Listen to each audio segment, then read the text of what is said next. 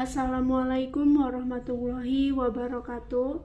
Halo, saya Meira. Di sini saya akan melanjutkan membaca buku Hidup Tak Selalu Baik-Baik Saja karya Zizi Aurora. Kali ini saya akan melanjutkan membacakan bagian kelima dari buku ini.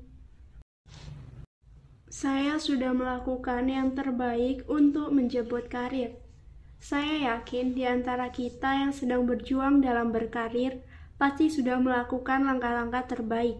Hanya saja, Mungkin di antara kita ada yang hasilnya tidak sesuai harapan. Bahkan dalam berkarir pun akan selalu ada hal yang tidak baik-baik saja. Bukan hanya kita yang sedang berjuang dalam menjemput karir, kita yang sudah berkarir pun kadang menemukan hal-hal yang tidak menyenangkan, hal yang tidak baik-baik saja. Saat karir itu harus lepas. Naskah ini ditulis ketika pandemi COVID-19 melanda seluruh negeri di berbagai belahan negara, berita-berita menyiarkan bahwa virus ini berdampak pada perputaran ekonomi dan membuat banyak perusahaan harus melakukan PHK kepada karyawannya. Jumlahnya pun tidak sedikit. Sebuah perusahaan besar bisa mem-PHK ribuan karyawannya. Di India, karyawan yang di PHK bahkan melakukan aksi jalan kaki untuk bisa pulang ke kampung halaman lantaran lockdown yang sempat diberlakukan di sana. Di Indonesia sendiri, ribuan karyawan dirumahkan dan tidak sedikit pula yang langsung di PHK. Di sinilah akhirnya banyak orang yang terpaksa melepas karirnya dan memulai hidup dari nol. Mungkin di antara kita ada yang merasakannya juga, atau karena suatu hal harus kehilangan karir. Iya sih, hidup memang harus se-survive ini. Di awal mungkin kita akan merasa down karena kita yang biasa berpenghasilan menjadi kehilangan sumber penghasilan. Tapi cobalah sebentar saja tarik nafas, perlahan, dan katakan bahwa semuanya akan baik-baik saja. Yesa, adik saya yang baru saja lulus SMK otomotif juga merasakan hal yang sama. Saya ingat betul mimpi-mimpinya jelang kelulusan. Ia ingin kerja di salah satu perusahaan otomotif yang cukup bergengsi di salah satu kota. Masih terekam jelas bagaimana usahanya mempersiapkan diri supaya nantinya ia diterima di sana. Pada 2020 lalu, saat namanya dinyatakan lulus dari bangku SMK, perusahaan otomotif yang sangat ia dambakan itu rupanya rupanya tidak membuka lowongan kerja. Padahal perusahaan yang sudah bekerja sama dengan sekolahnya itu setiap tahun membuka lowongan kerja dan setiap tahun pula selalu ada lulusan dari sekolah YESA yang masuk ke sana. Terpaksa, ia harus menunda cita-citanya tersebut dan memutuskan melamar ke perusahaan yang lain. Yasa kemudian memilih untuk mendaftar ke PLN Yogyakarta yang sedang buka lowongan kerja. Lowongan kerja ini sedikit mencurigakan karena memungut biaya pelatihan transportasi, dan penginapan dari pelamar. Saya akhirnya meminta adik saya untuk datang ke kantor PLN di Yogyakarta sebelum ia membayar biaya tersebut. Seperti dugaan saya sebelumnya, setelah Yesa menanyakan langsung ke kantornya, ternyata kantor PLN Yogyakarta tidak membuka lowongan kerja dan iklan yang dibaca adik saya itu tak lain adalah penipuan. Petugas kantor PLN juga mengatakan bahwa hari itu sudah ada beberapa orang yang komplain lantaran mereka sudah membayar tagihan tersebut tetapi tidak ada tindak lanjut dari kantor PLN. Uh, eh, syukurlah kami belum mengeluarkan apa pun. Saya benar-benar tak habis pikir. Di masa yang sedang sulit ini, justru ada pihak-pihak yang mencuri kesempatan dalam kesempitan. Saya pun menghibur Yesa dan memintanya mencari pekerjaan yang lain. Tapi ya, di masa pandemi ini bukan satu hal yang mudah untuk mencari pekerjaan. Sampai akhirnya untuk sementara adik saya bekerja di proyek pembuatan perumahan jadi tukang batu. Gak malu masih muda kerja di tempat itu. Enggak, kenapa harus malu? Aku sih nggak keberatan kalau emang harus mulai dari nol dan jadi pekerja kasar kayak gini. Jawabannya benar-benar di luar dugaan saya. Iya, gagal berkarir itu terkadang menjadi bagian hidup yang berat, sebab kita mungkin harus berpikir lagi akan melakukan apa ke depannya, harus memulai langkah dari mana untuk meniti karir. Jika boleh saya katakan, lakukan apa pun bahkan jika itu adalah hal yang kecil. Jangan malu, hasil yang besar selalu dimulai dari langkah-langkah yang kecil.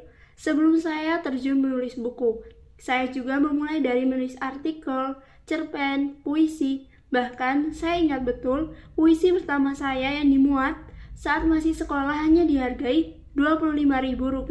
Cerpen pertama saya dimuat dihargai Rp50.000.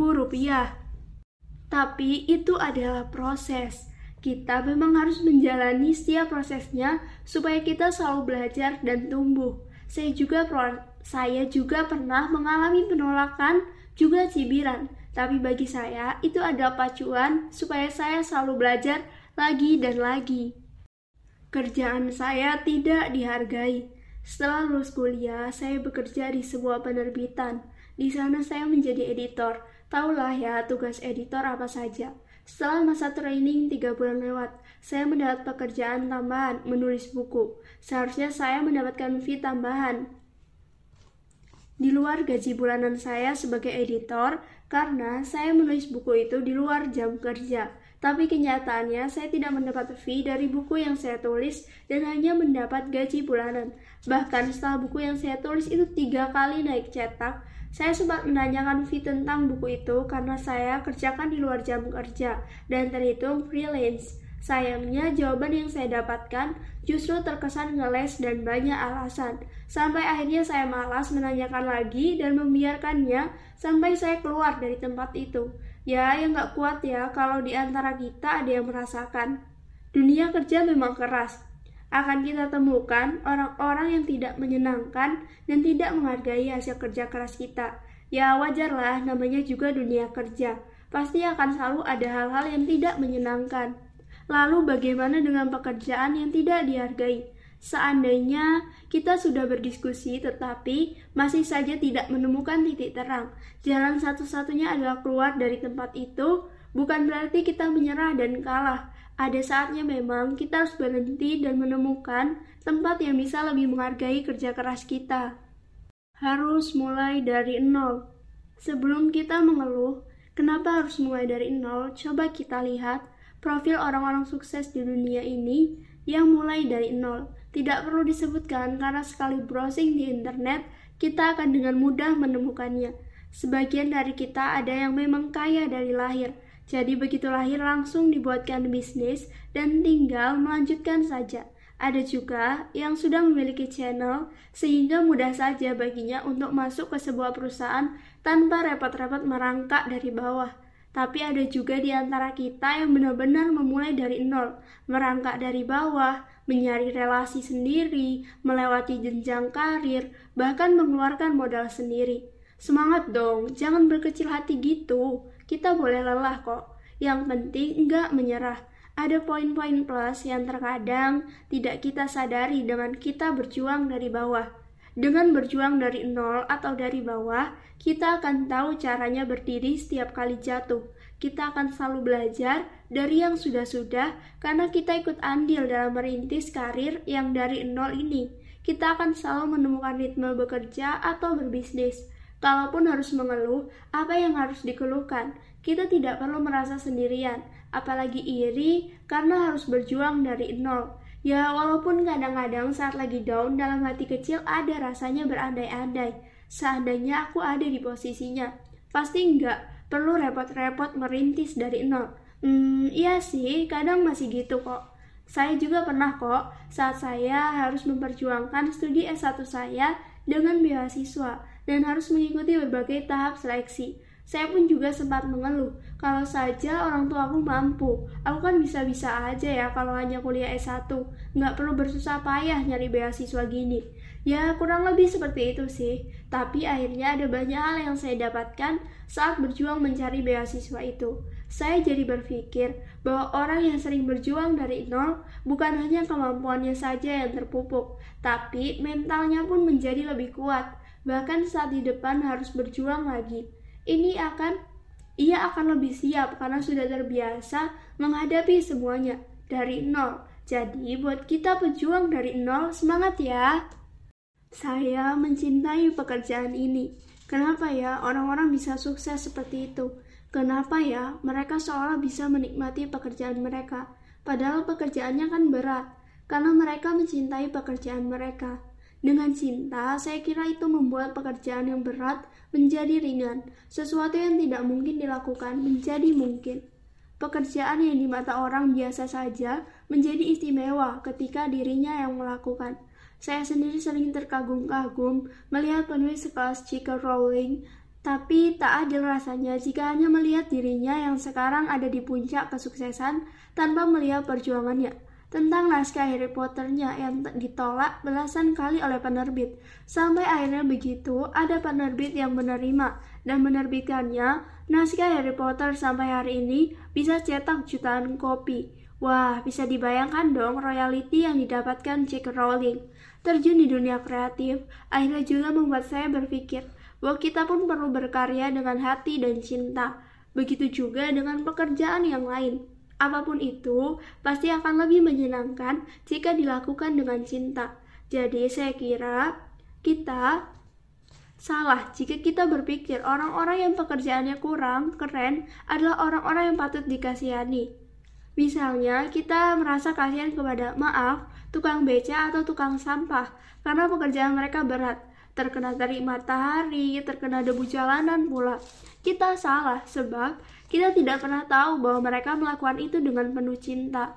Ingat tentang seorang tukang becak yang berhasil menyekolahkan anaknya hingga ke perguruan tinggi. Bukankah itu adalah sebuah bukti bahwa mereka bekerja dengan cinta? Tidak melulu harus dikasihani, justru kita harus kasihan dengan diri kita sendiri. Jika kita hanya bekerja supaya terlihat keren di mata orang lain, sementara sesungguhnya kita tidak pernah nyaman dengan pekerjaan tersebut.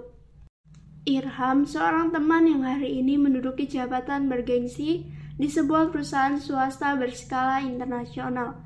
Ia menduduki posisi sebagai kepala bagian keuangan di perusahaan tersebut. Wow, keren kan? Di mata orang lain itu keren sekali, gaji besar, tunjangan ada, apa yang dia mau bisa keturutan. Saat kumpul keluarga besar pun ia akan disanjung-sanjung karena pekerjaannya yang keren itu. Tapi di satu waktu saat ia bertemu dengan saya, ia menceritakan seluruh tekanan yang harus ia tanggung. Iya, saya bisa memastikan dengan posisinya itu, tekanan yang ia dapatkan pun tidak ringan. Irham sesungguhnya sudah sejak lama ingin keluar dari perusahaan tersebut dan melanjutkan S2, tapi ia berpikir, jika ia keluar dari sana, ia tidak punya pegangan yang lain.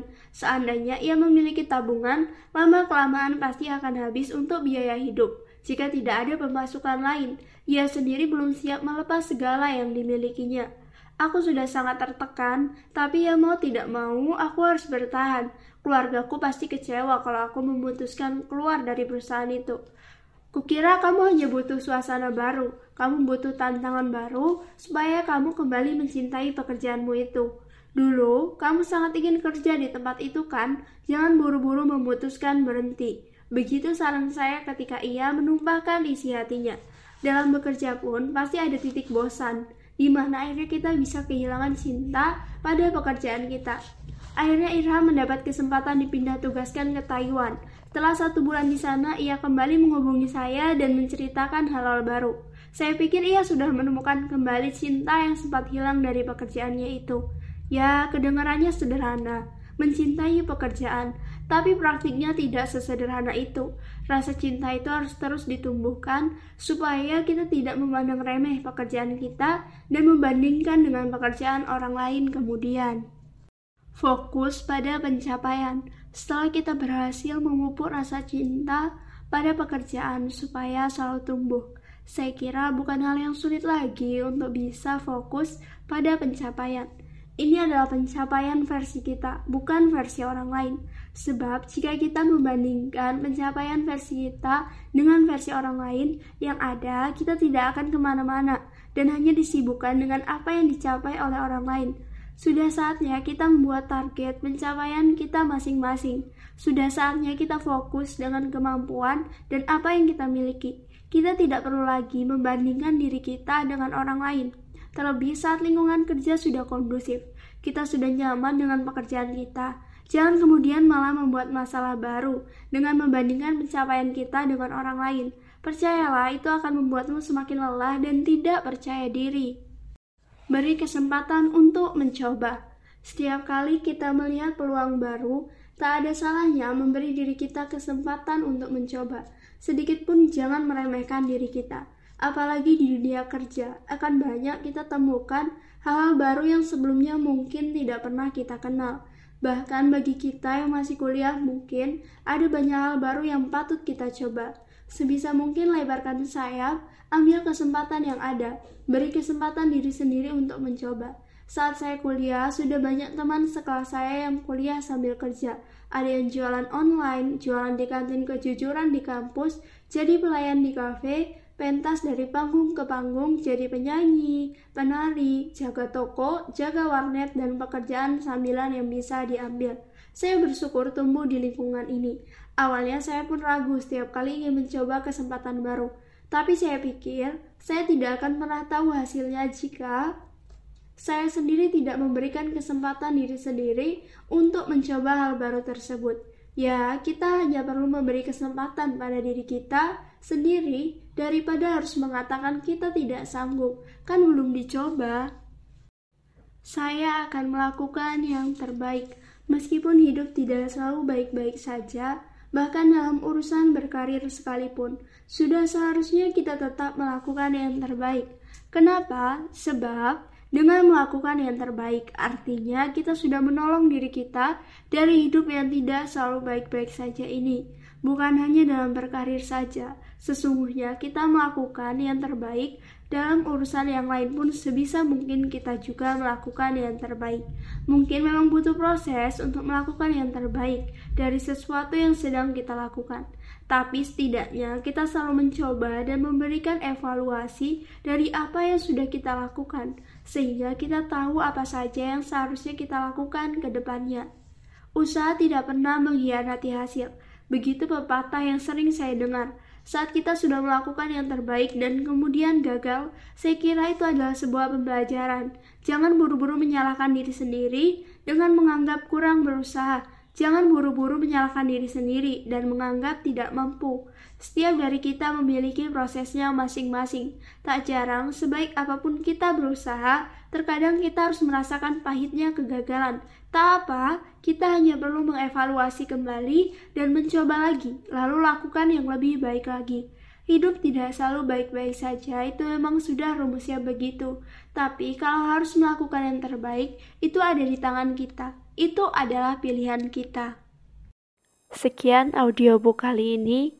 Terima kasih telah mendengarkan. Wassalamualaikum warahmatullahi wabarakatuh.